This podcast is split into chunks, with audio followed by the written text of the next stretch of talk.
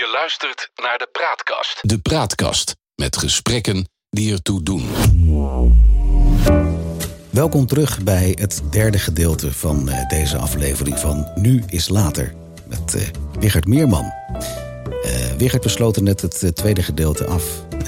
met het verhaal dat het voor jou de mystieke ervaring is. Ik kan dat woord niet uit mijn mond krijgen. Hoe heet dat spul nou? Ayahuasca. Ayahuasca. Ayahuasca. H of Ayo? Aya. Aya. Aya. Ja. Ik, ik probeer het te onthouden. Maar dat was voor jou een hele levensbepalende en ook richtinggevende ervaring. Ja, zeker. Um, die ervaring heb je in Nederland gehad. Er staat mij bij dat ik er wat documentaires over gezien heb. En ik meen dat het ook in Nederland toegestaan was. Uh, het gebeurt natuurlijk nog steeds wel oogluikend. Uh, maar officieel mag het niet meer, hè? Het mocht officieel nooit. Oh, um, dat, uh, er waren twee kerken die het vanuit een religieus oogpunt deden. Die hadden de goedkeuring. Dus die mochten dit gebruiken en was het een soort van gedoogd. Waarom was dat dan, dat zij dat vanuit religieuze overtuiging wel mochten? Ja, omdat de Portugezen vroeger naar Brazilië zijn vertrokken en daar uh, uh, uiteraard uh, veroverd, vermoord en verkracht hebben. Um, en dus ook dat soort dingen verboden hebben. Dus men, de inheemse stammen mochten niet meer hun eigen talen spreken, niet meer hun dansen doen en hun rituelen. Um, en toen heeft er toch iemand een, ja, die had daar een ervaring gehad. En die heeft toen de roeping gehad om de Santo Daime op te richten. En dat is dus een kerkgemeenschap waarbij men een, een heilig sacrament drinkt. En dat was dan ayahuasca. Uh, om het ook geaccepteerder te krijgen uh, onder, de, onder de, ja, eigenlijk de westerse bevolking. Het is ja. natuurlijk makkelijker om te zeggen van wij zijn een kerk en we hebben wat invloeden vanuit de, de inheemse culturen. Mm -hmm. Dan uh, hier heb je een tipi en laten we hier met z'n allen in gaan zitten. Al hebben ze geen typisch in Zuid-Amerika, maar Even ja. voor, het, voor, voor het beeld. Voor, voor de beeldvorming is het ja. goed. Um, die ervaring had je in Nederland, die, die, zoals we net in deel 2 gehoord hebben, die, die was echt heftig. Uh, dieper dan dit kon geloof ik niet, hè? Nee. Het contact met je vader en eigenlijk met jouw broer Ja. ook, qua beleving. Nou, en eigenlijk ook het, uh, het idee van spiritualiteit. Um, Betekent dat voor jou überhaupt wat spiritualiteit voor die nou, ervaring? Als je het niet kon aanraken, dan bestond het niet. Nee. nee. Dus die ervaring, daar ging ik wel echt met grote ogen naar buiten. En daar heb ik wel echt een paar weken mee op de bank gezeten van wauw. Wow. Ja. wow. En toen ging natuurlijk ook al meteen de criticus aan van was dit echt? Waren dit mijn gevoelens? En, en ja, dan, dan begint die, dek, de ontdekking van uh, spiritualiteit. En ik vond het heel erg interessant om dat, uh, ja, om dat pad op te gaan met het plantmedicijn. En dat ben ik toen veelvuldig gaan doen. Ja. Maar je hebt dus meerdere ervaring met het, met het ayahuasca gehad? Ja. Um, in Nederland nog? Ja. ja. Um, dat betekende al veel voor je, kan ik me voorstellen? Want hoe lang is die periode geweest dat je daarmee aan het experimenteren raakte? Ja, dat is toch al negen jaar geleden. Tien, ja, bijna tien jaar geleden. Ja, er waren af en toe shamanen die aan het rondreizen waren... om wat, vaak wat geld in te zamelen voor hun, voor hun eigen stam. Mm. En, um, die kwamen naar Nederland? Die kwamen naar Nederland, reisden door Europa. En dan werd dat uh, zo georganiseerd. Um, en, ik, en ik heb toen al een paar keer ceremonies uh, meegemaakt met onder andere de Huni Queen, wat een stam is uit Brazilië.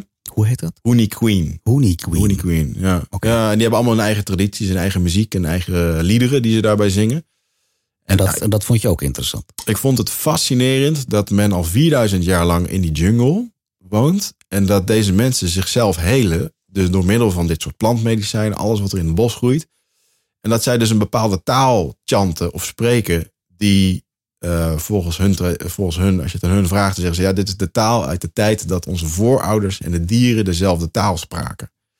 Okay. En het is dus de, zo'n shamaan die chant, uh, maakt geluiden. Chant? Maakt, ja. Help even, wat is dat? Een chant is een, een eigenlijk een helend, een helend, uh, helende liederen, zoals zij dat noemen. Oké.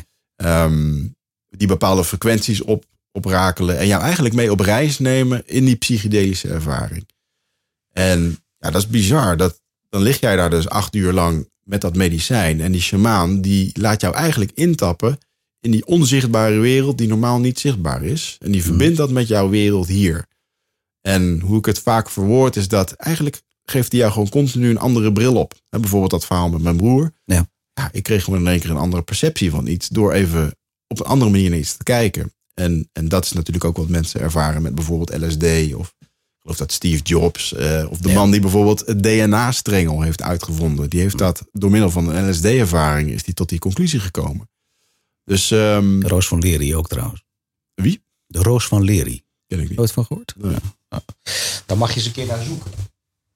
Roos van Lery is eh, eh, Tom- eh, Timothy Leary, die is dat geweest. Die heeft daar ooit een, eh, Ah, ehm, een, een, een communicatiemodel voor uitgevonden... waar ik in mijn trainingen heel veel mee werk. Het is gewoon heel praktisch. Eh, maar die is ook tot stand gekomen onder invloed van. Ik was een beetje teleurgesteld, al eerlijkheid, toen ik daarachter kwam jaren later.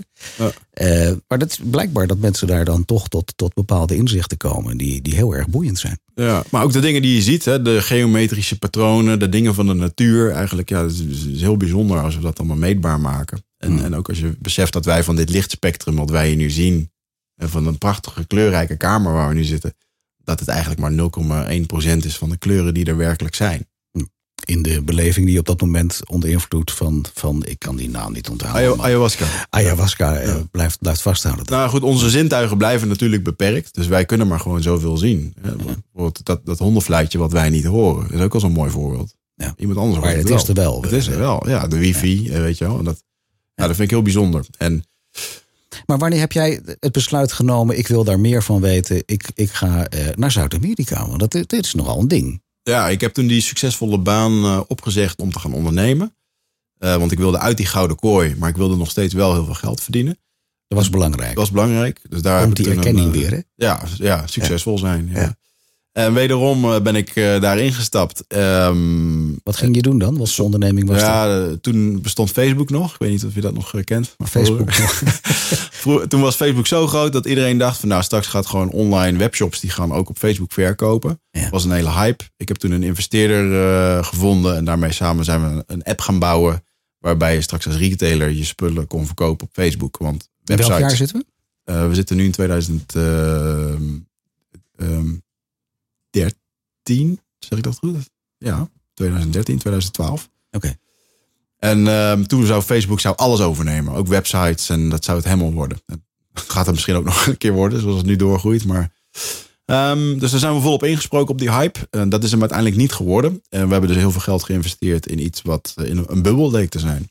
En eh, dat was een periode waarbij ik alles Geld was je eh, kwijt. was ik kwijtgeraakt, ja. En ik raakte toen ook mijn relatie kwijt, mijn huis en mijn spaargeld. En ja, dat heeft voor een hele moeilijke periode gezo- gezorgd. Waarbij ik eh, tien maanden in het geheim op kantoor heb geslapen. Dag en een nacht soort zwerver eigenlijk. Ja, eigenlijk wel. Ja. Ook Ja. niet om hulp willen vragen, te trots om te laten zien dat het niet gelukt was. Hmm. Manieren vinden om het toch weer levensvatbaar te maken. Dat is toen gelukt. Ik kon toen weer een appartement huren in Amsterdam. En nadat ik de Wat, sleutels wat kreeg- maakt je levensvatbaar? het bedrijf maakte ik weer levensvatbaar. Ja. Dus de, een andere oplossing bedacht. En ja, daar werd toen wat geld mee verdiend, waardoor ik weer een huis kon huren. Maar Hoe En ben je die maanden doorgekomen toen? ja, gewoon tien maanden lang, s ochtends zeven uur tot s avonds tien uur werken. En dat, dat ging goed. Nou ja, dat was op mijn manier, was dat mijn uitlaatklep van alle ellende waar ik niet naar wilde kijken. Eh, een relatie die verbroken was, eh, het hele plan wat niet lukte. En ehm, nee, dat was eigenlijk heel masochistisch. Maar die, die vechtsport mindset van oké, we gaan dit gewoon doen en we gaan ervoor. Die, ja, die kan ook de andere kant op eh, gaan, eh, gaan wijzen, dat wijzertje. Als je daar nu naar terugdenkt, wat had je toen anders kunnen doen? ja, om hulp vragen. En dus voor mezelf een hele heldere grens stellen. Ook naar mijn investeerder van luister, we hebben gewoon iets geprobeerd. Het is gewoon niet gelukt. Ehm, we moeten hier gewoon zeggen, het stopt. Hm. Want ik kan de huur niet meer betalen. Of eh, hè, gewoon dat soort gesprekken. Maar ik, ik durfde dat gewoon ook niet. Omdat ik zo'n ontzettende druk voelde van dat geld. Ehm, Hoeveel geld ging het? Het, in eerste instantie was het een investering van 60.000 euro. Ja. Later was dat 90.000 totaal. En ehm, wauw, dat, dat droeg ik overal met me mee. Eh, Het was een hele bijzondere kennismaking, ook met de verantwoording voor geld eh, dragen en zo. Ehm, Dat had je nog niet eerder gehad dan? nee, Nee. nee. Nee, niet zelf. Ik bedoel, ik dat was dus grappig dat ik bij die multinational eh, ging het ook over heel veel geld, maar daar gooide ik gewoon een contract over de schutting bij iemand die support heette en daar werd het geregeld. Ja. Maar het, het ondernemerschap was echt wel gewoon een, eh wauw, een reality check. Met, het gaat niet vanzelf. Nee. En ehm, nou goed, ik zat toen in een moeilijke periode. En toen dacht ik, oké, ik ga een keertje ayahuasca drinken. Om, eh, om, ik had toen een burn-out. Toen was ik van herstellende. Dat heb ik wel een jaar lang goed kunnen doen. Ook mijn investeerder was daar heel begripvol Oh, oh, oh, oh. Je, je noemt het even zijdelings. Ik had even een burn-out Ja. van een jaar. Nou ja, toen ik dus dit appartement eh, kreeg, toen ben ik gewoon gelijk compleet ingestort. En Dat deed je.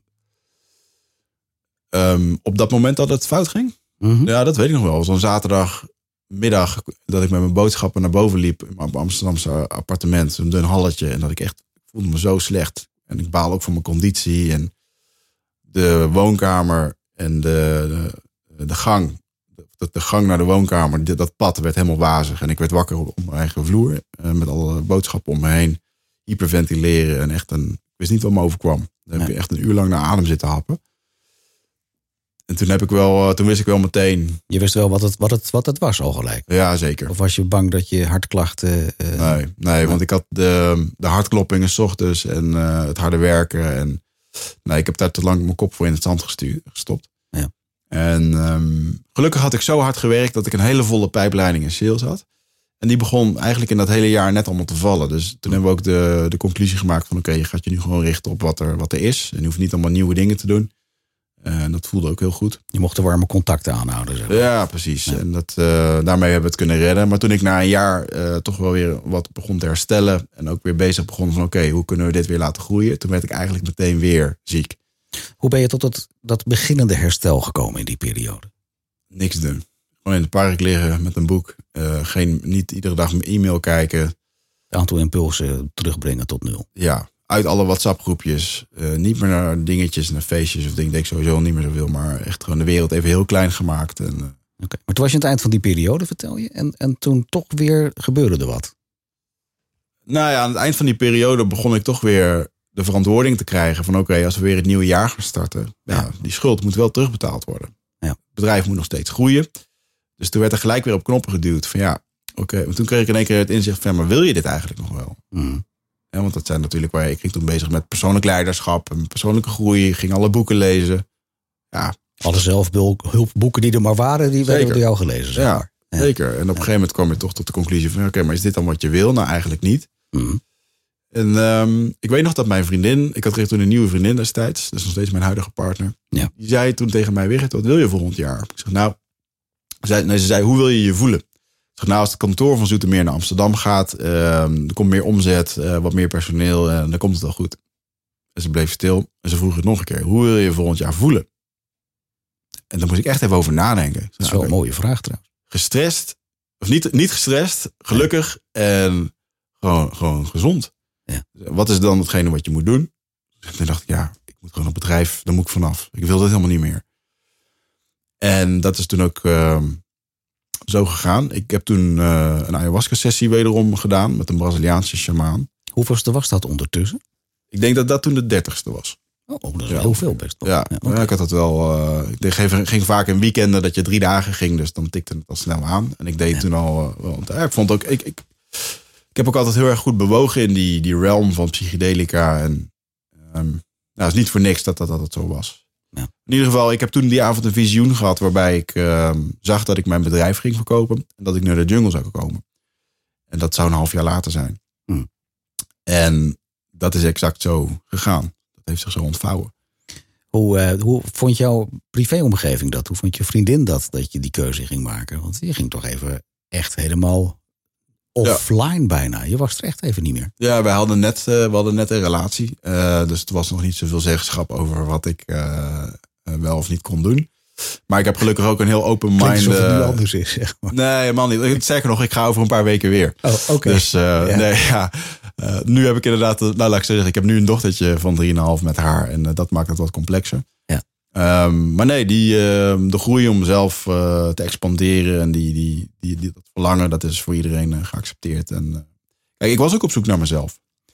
Dan kom je daar aan in Zuid-Amerika. Dat was voor jou de eerste keer? Ja. Ja. En toen? Ja, dan kom je in de Amazone, geen Facebook, geen internet, houten hutjes. Maar hoe, hoe werkt dat dan? Je, je, je vliegt erheen en... Ja, drie en dagen dan? reizen. Ja. Het is drie dagen reizen. En ik heb via via nou, dan contact kunnen leggen dat ik daar heen mocht komen. Precies, want dat mag Ja. ook dan. Want dat is toch... ja, die mensen hebben een eigen leven Je moet- komt, ja, je moet uitgenodigd Meerman aan, aan fietsen. Je moet uitgenodigd worden door iemand van de stam. En hoe kreeg je dat voor elkaar dan? Nou, ik ehm, had dus dat visioen gehad. En ehm, ik dacht, nou, dit zal wel. Maar op een gegeven moment ging ik s'nachts slapen. En toen in mijn dromen stond die shamaan voor mij. Hmm. In het bos. En dat bleef maar van, ja, je komt naar het bos toe. Die droom had ik de hele tijd. Dus op een gegeven moment heb ik uh, een paar mensen in uh, Brazilië gecontact. die een soort van beschermlaag zijn tussen deze mensen en de buitenwereld. en daar allerlei dingen voor regelen. En die zei heel toevallig van nou. Um, volgende week donderdag, dan is hij hier bij mij in Rio de Janeiro in mijn appartement. voordat hij weer voor een half jaar de jungle in gaat. Ja, en dan hoort niemand meer van hem. Ja. Dus hij zegt: als er een moment is en je wil wat vragen, dan kan ik dat voor je faciliteren. En, en dan hoor je het dan wel. Dus ik heb toen mijn verhaal verteld.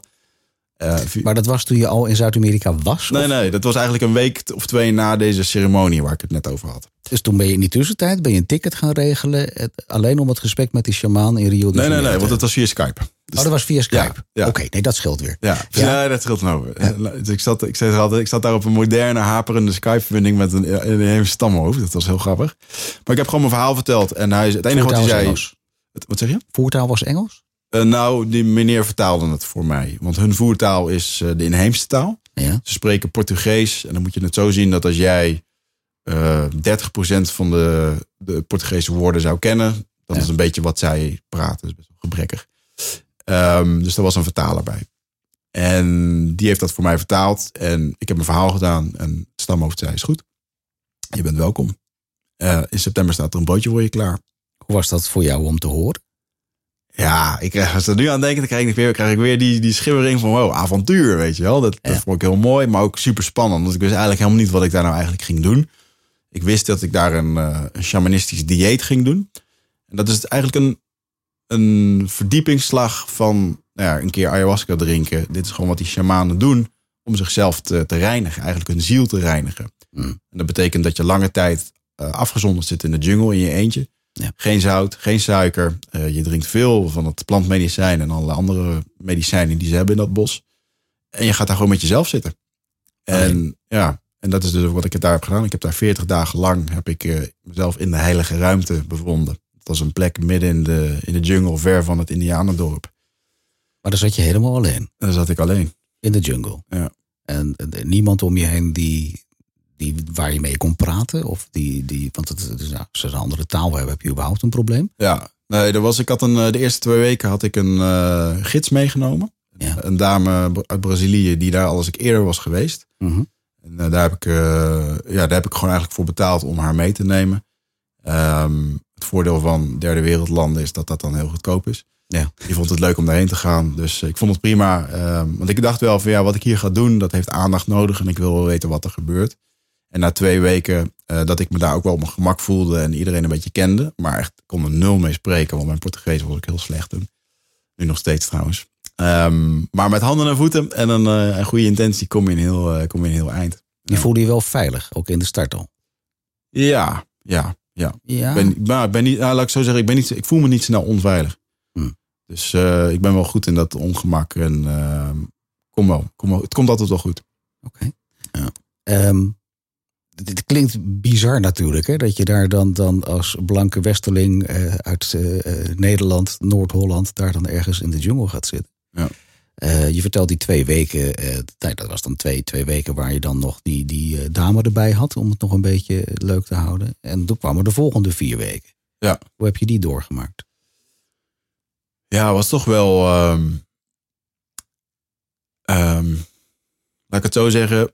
Als je een tijdje met jezelf spendeert op een eh, ruimte die niet groter is dan een, voetbal, dan een heel klein voetbalveldje. ehm, ja, op een gegeven moment heb je alle, ken je alle plekjes wel. En dan, ja, dan kom je er dus achter dat je daar met jezelf bent. Klinkt een beetje als een gevangenis bijna. Ja, is het ook wel. Ja. Ja. En, ehm, en waar ik vooral moeite mee had en waar ik me heel bewust van werd, was dat ik eh, dat mijn gedachten in één keer heel erg aanwezig waren.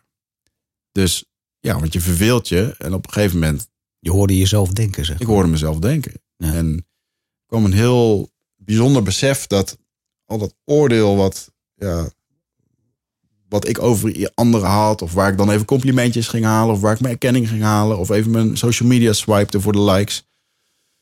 Ja, dat viel in één keer allemaal weg. En als je dat allemaal wegstript, samen met het geen suiker en geen zout, waardoor je dus hypergevoelig wordt. Van ja, wat, is, wat gaan wij doen hier als we ons niet goed voelen? Dan gaan we snel wat eten of eh, dan ga je dat daarmee opvoelen, opvullen, een bepaalde verdoving. Of hard werken. Nou, dat kon daar allemaal niet. En in één keer zit je dan in een soort gedachtebubbel van wauw, de enige die hier oordeelt over jou, dat ben je zelf. Ja. Want die jungle heeft geen oordeel. En die, en die, is, en die is meedogenloos. Want ze geeft niks om mijn praatjes, om, uh, om mijn likes, om mijn geld, om mijn problemen, om mijn zelfmedelijden. Nee, die jungle die was gewoon als een soort rot daar. En is gewoon jungle. Ja, Want- en je bent er gewoon onderdeel van. En, en wauw, dat, dat heeft echt eh, heel veel impact op me gemaakt. Ja. Maar je bent daar in een, in een volkomen vreemde omgeving. En ik ben nooit in de Amazone geweest, maar wat ik me voorstel is allemaal groen, en beesten, eh, eh, lianen, weet ik veel wat het, wat het eh, beeld op. eh, ik zei net over een stuk veiligheid, maar voelde je ook qua, qua, qua dieren steken eh, veilig? Of was dat ja, dat je wel gewaarschuwd werd voor bepaalde beestjes? En, Nou, ehm, toen ik aan het, aan het stamhoofd vroeg van zitten hier jaguars? Toen zei hij ja, maar die weten dat je hier zit. En je mag van hun hier zitten. dus dat was een mooie. En ehm, ja, we hebben daar wel, moet je je voorstellen, zit je midden in die jungle. We hebben daar gewoon ayahuasca ceremonies gehad. Waarbij je met 30 man om een vuur zat. Ja. Ehm, pikdonker, sterrenhemel, die heb je dan wel heel mooi daar. En dat je op een gegeven moment, dat er iemand achter in de jungle gilde. Net nadat we het sterkste psychedelische middel ter wereld hadden ingenomen. We drinken het, je wacht 20 minuten en in één keer gilt er iemand achter in de jungle. En ik zie vijf indianen opstuiven. Die pakken machetes, die pakken stokken. Loopt een andere jongen, die loopt naar een andere hut. En die komt vervolgens terug met een jachtgeweer. En ze waren daar met z'n allen wat aan het volgen. En je hoort in één keer een, een knal, wat eigenlijk het bos eventjes oplichtte. Ja, dat was net een film. Wat, ja, dat was een slang van anderhalve meter die gewoon een volwassen persoon eh, dodelijk zou kunnen bijten. Ja. Die hadden ze gevonden. Dus ja, er had iemand was daarvan geschrokken en eh, die liet het even weten. Ehm, dus ja, ik heb daar dagelijks slangen gezien en gedaan. Dat leeft daar maar gewoon. je was er niet bang voor in die periode. Nou ja, je bent gewoon op je hoede. Ik heb daar wel ervaren dat mijn primaire Amsterdamse brein eventjes keer 100 werd gezet in Ja. de jungle. Met hoe je, ja, met alle geluiden en dingen. Maar ook, ook dat went. Je slaapt in een hangmat, stel ik me Ja, voor. ja slaapt Ja. gewoon buitenlucht in handen, onder een afdakje. Ja. Ehm Wigert, ik ben, ik ben bang dat we, dat we nog, een, nog een kleine vierde aflevering moeten maken. We zijn er nog niet. Ja, ja. ja. Graag tot dat is dat het.